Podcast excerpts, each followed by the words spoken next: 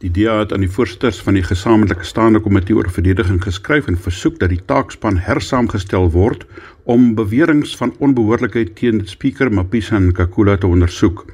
Die komitee se besluit om nie met die ondersoek voort te gaan nie is voortydig en blyk die belangrikheid van die vletjieblaser se verklaring oor die hoof te sien.